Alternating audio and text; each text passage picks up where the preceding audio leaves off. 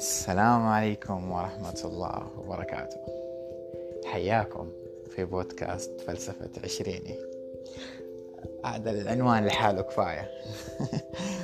آه، في عالم وليد الردادي بودكاست فلسفة عشريني. في له ملخص اللي أنا خرجت منه في العشرينات لأني بقيلي سنة وأخلص العشرين.